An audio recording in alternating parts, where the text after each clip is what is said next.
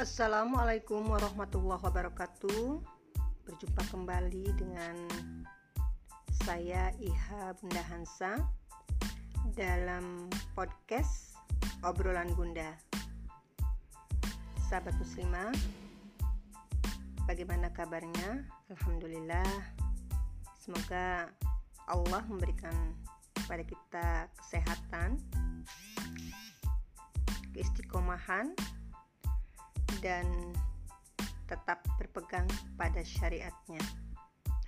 Sahabat muslimah, kali ini saya akan menyampaikan satu rubrik tentang parenting yang tentunya uh, ini cocok ya buat ibu-ibu atau emak-emak yang menginginkan gitu kan keluarganya sakinah, hatinya soleh dan solehah baiklah. Uh, pada kali ini masih seputar ya atau masih suasana Idul Kurban ataupun Idul Adha gitu kan ya. Dua hari raya yang ada pada umat Islam yang senantiasa uh, kita menyambutnya dengan gembira. Namun uh, pada tahun ini ya eh, di tahun di mana eh, umat Islam di Idul Adha seharusnya menjalankan ibadah haji ya yang biasanya berjuta-juta berkumpul ya eh, di wukuf di Arafah. Namun tahun ini ada pembatasan. Ya karena memang uh, di masa pandemi ini sudah dua tahun ya terutama uh, pemerintah Saudi sendiri membatasi berkaitan dengan jamaah haji. Ya agak sedikit uh, sedih ya maksudnya kita bersedih juga uh, melihat gitu kan bagaimana kekecewaan para calon jamaah haji yang sampai saat ini yang sudah mendaftar, yang sudah berpuluh-puluh tahun mengumpulkan, menabung untuk pergi gitu kan ke Baitullah, namun belum juga terwujud. Nah, semua ini memang yang pertama memang karena memang kondisi, namun kenyataannya memang di sini ada beberapa hal yang memang menyebabkan gitu kan ya uh, akhirnya jamaah calon jamaah haji itu tidak berangkat ke Baitullah gitu kan.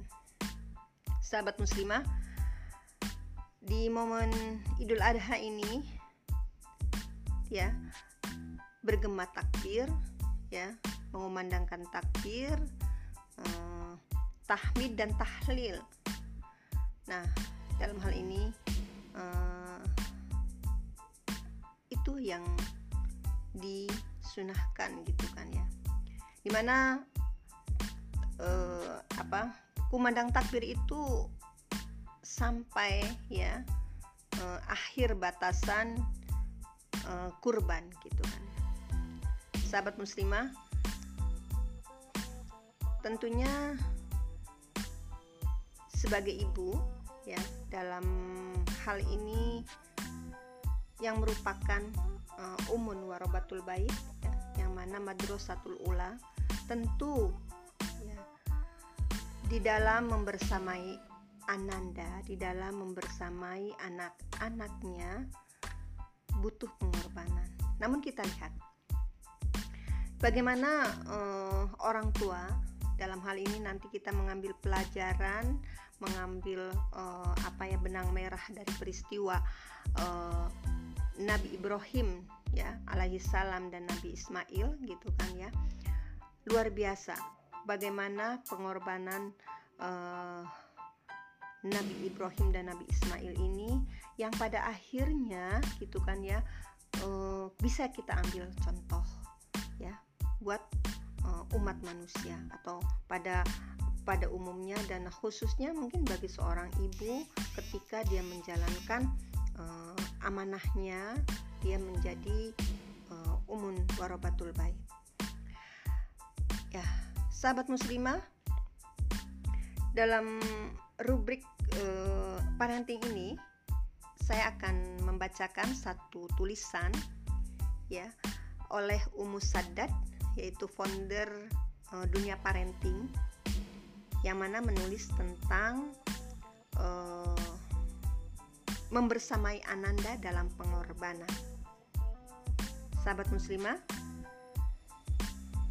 adakah kisah Nuwair binti Malik radhiyallahu anhu pernah menghiasi lembaran bacaan Bunda?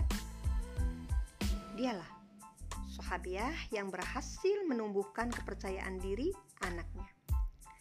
Saat itu sang anak masih remaja, usianya baru 13 tahun. Ia datang membawa pedang yang panjangnya melebihi panjang tubuhnya untuk ikut perang badar. Nah, namun Rasulullah SAW tidak mengabulkan keinginan remaja itu. Ia kembali kepada ibunya dengan hati sedih sahabat muslimah nanti kita bisa lihat bagaimana uh, sang ibu gitu kan ya berusaha untuk meyakinkan anandanya. Nah, ketika sang ibu mampu, uh, mampu meyakinkan untuk bisa uh, berbakti, nah jadi sini uh, sang bunda mampu meyakinkannya untuk bisa berbakti kepada Islam dan melayani Rasulullah SAW dengan potensinya yang lain. Maka karena kecerdasan, kepandaiannya menulis dan menghafal Al-Quran, ia pun terkenal sebagai sekretaris pencatat wahyu. Karena pengorbanan bundanya, namanya sangat masyhur saat ini, dialah Zaid bin Sabit radhiyallahu anhu. Tahukah bunda? Dengan sosok Safiyah binti Maimunah, dialah bunda yang rela menggendong anaknya yang masih balita ke masjid untuk sholat subuh berjamaah. Hingga pengorbanan Safiyah mampu membentuk karakter anaknya untuk taat beribadah, gemar ke masjid, dan mencintai ilmu. Dialah ulama hadis dan imam mazhab Imam Ahmad bin Hambal. Sahabat muslimah, Bagaimanakah yang dimaksud pengorbanan itu mempunyai makna? Nah, di sini eh, diambil ya dari KBBI di mana dijelaskan bahwa pengorbanan bermakna itu adalah proses cara perbuatan mengorbankan bagi umat Islam, kisah Nabi Ibrahim alaihissalam dan Ismail adalah kisah paling masyhur tentang sebuah pengorbanan. Tidak terhenti di lisan, tapi sampai pada pengorbanan tertinggi nyawa sebagai bukti ketundukan dan ketaatan kepada Allah Subhanahu wa Ta'ala. Maka, sebagai bunda yang diserahi amanah untuk membimbing Ananda ke jalan yang diridhai Allah, alangkah butuhnya kita membersamai Anandia dalam pengorbanan. Pengorbanan berangkat dari cinta. Dalam kitab Mukawimat, Al-Azhari berkata, arti cinta seorang hamba kepada Allah dan Rasulnya adalah menta menata, mentaati dan mengikuti perintah Allah dan Rasulnya. Al-Baidawi berkata, cinta adalah keinginan untuk taat. Sedangkan arti cinta kepada Allah kepada hambanya adalah ampunan, ridho, dan pahala. Al-Badawi berkata ketika menafsirkan firman Allah, A'udzubillah eh, rajim. Nah, jadi uh, di sini uh, dijelaskan gitu kan ya bahwasanya di dalam surat Al-Imran yang artinya jika kamu benar-benar mencintai Allah, ikutilah aku. Niscaya Allah mengasihi dan mengampuni dosa-dosamu. Allah Maha Pengampun lagi Maha Penyayang. Rasa cinta yang besar akan memunculkan keinginan untuk taat. Inilah yang ditumbuhkan Nabi Ibrahim kepada anaknya Ismail sejak kecil, bah bahkan dalam kandungan. Begitu pula bila kita menyimak kisah ibunda para ulama di atas. Mereka rela berkorban demi ketaatan anak-anaknya kepada Allah. Dan hasilnya, tinta sejarah telah menuliskan bagaimana sosok ulama tersebut. Sahabat muslimah, seorang ibunda harus ada strong why yang ditanamkan pada kalbu setiap bunda yang menginginkan anak-anaknya bisa teguh dalam ketaatan kepada Allah dan Rasulnya. Ya, di zaman fitnah saat ini, strong why inilah yang akan membuat para bunda rela mengorbankan waktu tidurnya di akhir malam untuk mendoakan Ananda berpatroli, menyiapkan Ananda agar bisa mendapatkan sholat sunnah dua rakaat sebelum subuh di masjid. Rela mengorbankan waktu tidur untuk membersamai Ananda di kala sahur untuk berpuasa sunnah. membersamai Ananda dalam ibadah-ibadah sunnah yang menyertai sholat wajib ataupun dalam mengajarkan Al-Quran. Dorongan yang kuat ini berasal dari pemahaman yang kokoh akan tujuan hidup sebagai hamba untuk beribadah kepada Allah. Sebagaimana dalam surat Az-Zariyat ayat 56 yang artinya tidaklah aku ciptakan jin dan manusia kecuali untuk menyembah kepadaku. Artinya menyembah kepada Allah. Ya, inilah uh, yang ditanamkan seorang bunda kepada anaknya. Mengingatkan kembali akan apa? Akan hmm, tujuan hidup itu. Ya. Nah di sini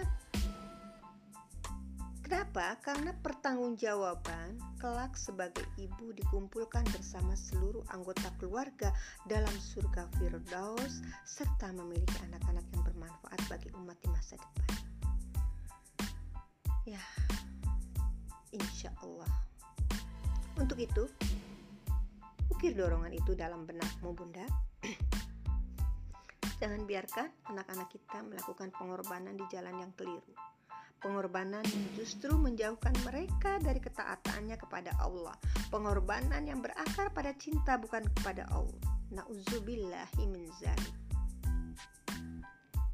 Sahabat muslimah, Beberapa tips membersamai anak dan dalam pengorbanan.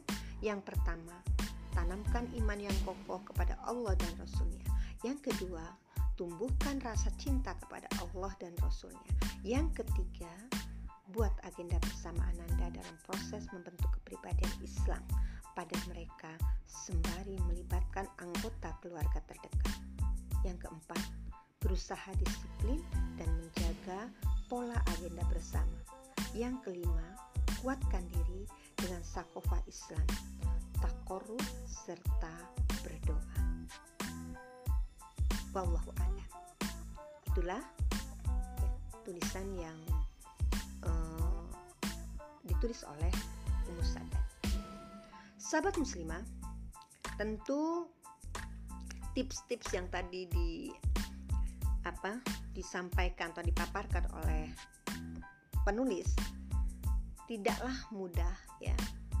Dan ini perlu pengorbanan ya. Pengorbanan seorang ibu ya ketika membersamai anak-anaknya.